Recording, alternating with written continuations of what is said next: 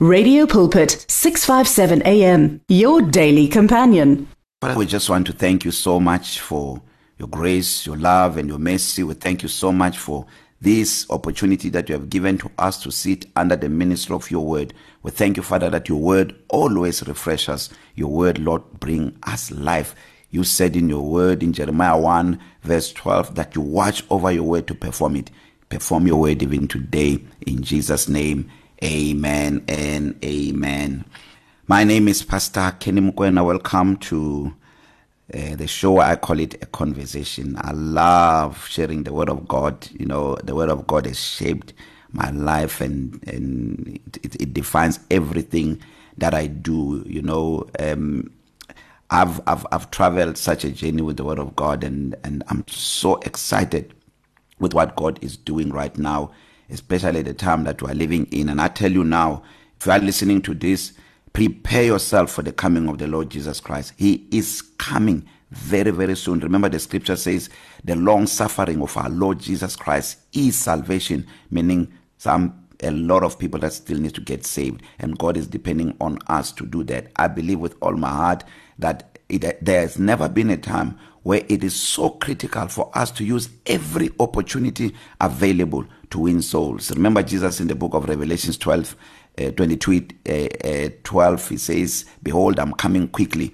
My reward is with me to give to everyone according to their work. So listen to me. He is coming. I'm reminding you today Jesus Christ is coming and is coming back very very very soon. And this message that I'm sharing with you today I believe it's an end time message.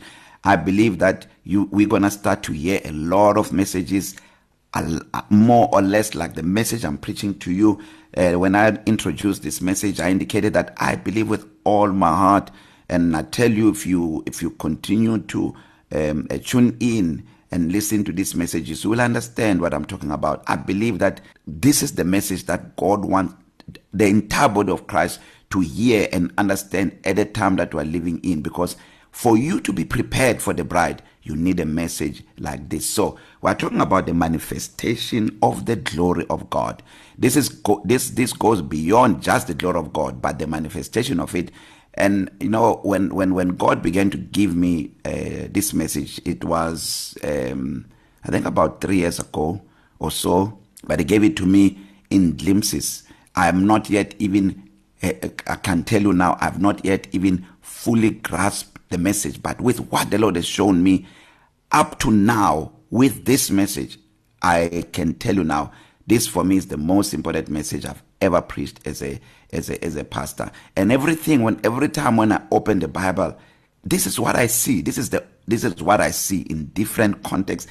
It's like the Bible has never made sense to me like it is making sense to me right now and I hope you are ready for this message. So we are using Romans 8 verse 30 as our launching text and we're going to start there every week. So uh, I gave a little bit of a background last week because to to grasp this you need to start by by verse 29 the only part that is so important for this message is the fact that we have been all of us uh, um actually I can say the entire human race has been conformed has been predestined to be conformed to the inward to the inward likeness of Jesus Christ. The bible says to whom he uh, knew beforehand he predestinated them to be conformed to the image of the son of God that they may be the firstborn among many brothers. So that's the inward likeness. And i said last week that inward likeness cannot just we cannot just look like him inside just for looking like him. No we need to manifest that image in the outside of us. And that is the process that God begin to work on in our lives the moment we get we we we we become saved. So Romans 8:30 says and to those whom he does foreordained meaning predestinated he also called meaning he invited to be saved. So there he also called there it is an invitation to salvation. God by his son is inviting every person to become saved right now. And this is the message that i am sharing with you to say if you're listening to this and you're not born again it means you have not started your process of fulfilling divine purpose. The the process to fulfill divine purpose starts when we receive Jesus as Lord of our lives. And we'll see why. Because the bible says to those he, he, he also called he also justified. That is what happens when you when you receive the invitation you receive the acquittal or, or from your sins from your guilt and God makes you righteous. He puts you into right standing with himself. And then another process begins. The bible says and those whom he justified he also glorified. So this is the work of God. He invites he justifies he glorifies. Let me say that again. He invites he justifies and then he glorifies. And last week i said that a lot of christians even actually even a lot of sermons they end at justification and everything that facilitate righteousness how to live a righteous life you know your responsibility as a righteous person. But there is an a very critical element which God put at the end of this verse which is the last part which talks about entering into maturity. So this message is meant to facilitate an understanding of maturity in Christ. You remember um, uh, um, um uh, Ephesians not Colossians 1:28 it says him we preach warning every man and teaching every man in all wisdom that we may present every man perfect in Christ. It's not enough for someone to be saved. They must go to the perfection stage because God said we must be perfect even as our father. This is what Jesus said be perfect as the our father in heaven is also perfect. That is the stage of maturity. So after justification God begins a process of glorification. Remember a, a glory is given is conferred. Every person who's born again you have the the inward image of the son of god. You are like him in your spirit. Your spirit it's it's that's why the bible in 2 corinthians 5:17 says if any person is in christ he is a new creation. That new creation is the inward likeness of christ. But then there is a next process that has to happen which you hardly finds it a, a priest in sermons. And I'm not saying by any means I'm the only one who knows this. No no no no no. This does not come by flesh and blood. This is the work of the Holy Spirit. So anybody who has the Holy Spirit and the Holy Spirit chooses to reveal these things to them. And I believe all over the world this is what the Holy Spirit is revealing now. And there may have been a, a, a lot of other pastors uh, before this time in the previous generations that God gave this message. In different forms but he has given me this message also in another form. So the simple definition of the glory of God because when we talk about he has glorified to deal with glorification we need to understand where does it come from. So it comes from the word the Greek word doxa which means the unspoken manifestation of God. The key part being manifestation of God. And I want to tell you um uh, uh, there is there, there's a there's a certain pattern that God has put in the scriptures. Which re, which deals with manifestation of God. And I can give you a number of examples right now because remember we are talking about the manifestation of the glory of God. The glory of God can also be defined as you know God's heavy presence you know uh, the kabod of God which is his weight you know his value. The bible says in the presence of the lord there is fullness of joy and at his right hand are pleasures forevermore. Um uh, uh, you read 2 corinthians uh, 3 uh, from verse 17 the Lord is the spirit and where the spirit of the Lord is there is liberty. We all with unveiled face beholding as in the mirror the glory of God. That glory there is doxa it's kabod it's his heavy presence and it's also the unspoken manifestation of God. Now um if you look at uh, uh, the life of Abraham he, he, he we're going to talk about the life of Abraham and I will show you the three stages that are also in Romans chapter 8 uh, uh, on how Abraham manifested the glory of God. There, there's nowhere where it says Abraham manifested the glory of God, but we see all the elements of the manifestation of the glory of God and the pattern that God has set insofar as manifesting God is concerned. And I'm saying this because it's not every Christian that is manifesting God. It's not every pastor that is manifesting God. It's one thing to know God, to know about God. It's another story altogether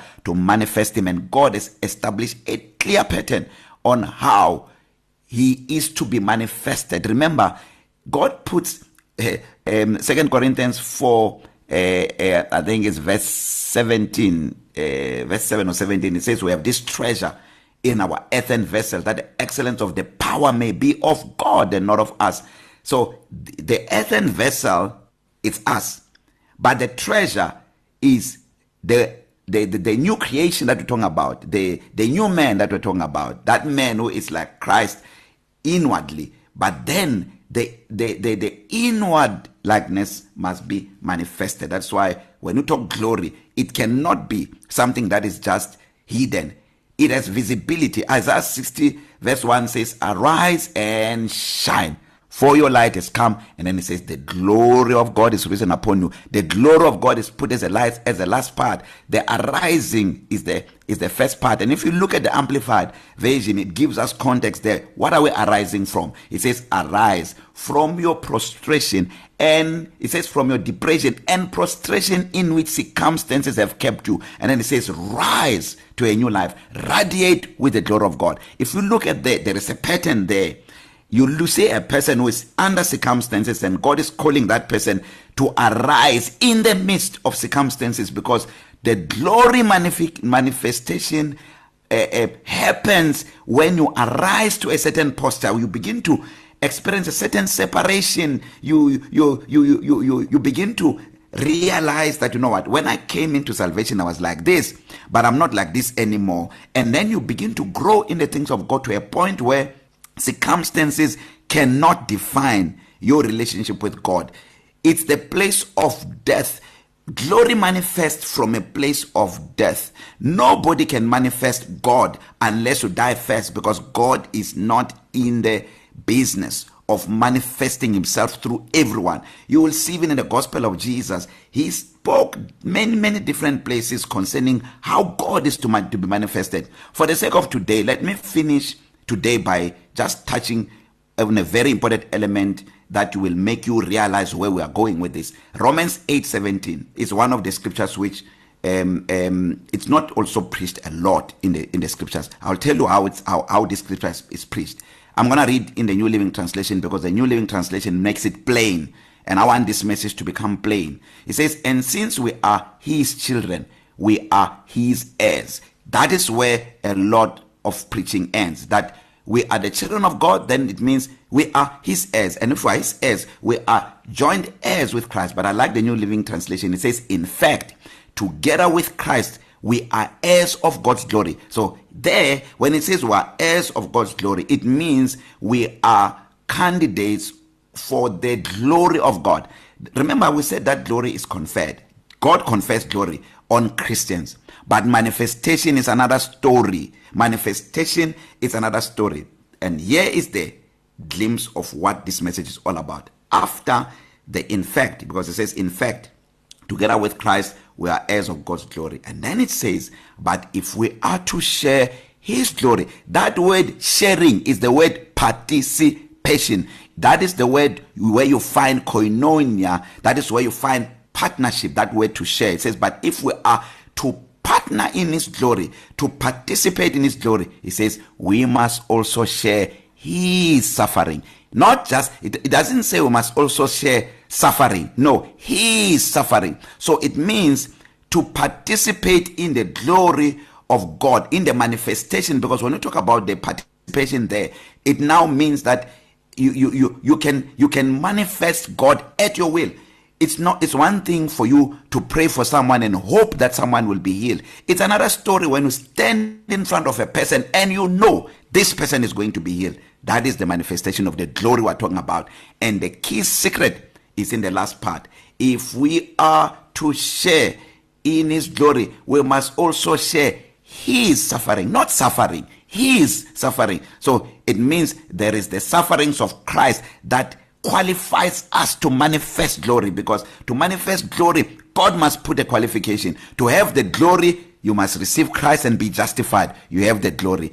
But the manifestation part is a different story. That is why you go to places where God is supposed to manifest. He does not manifest. Why? Why?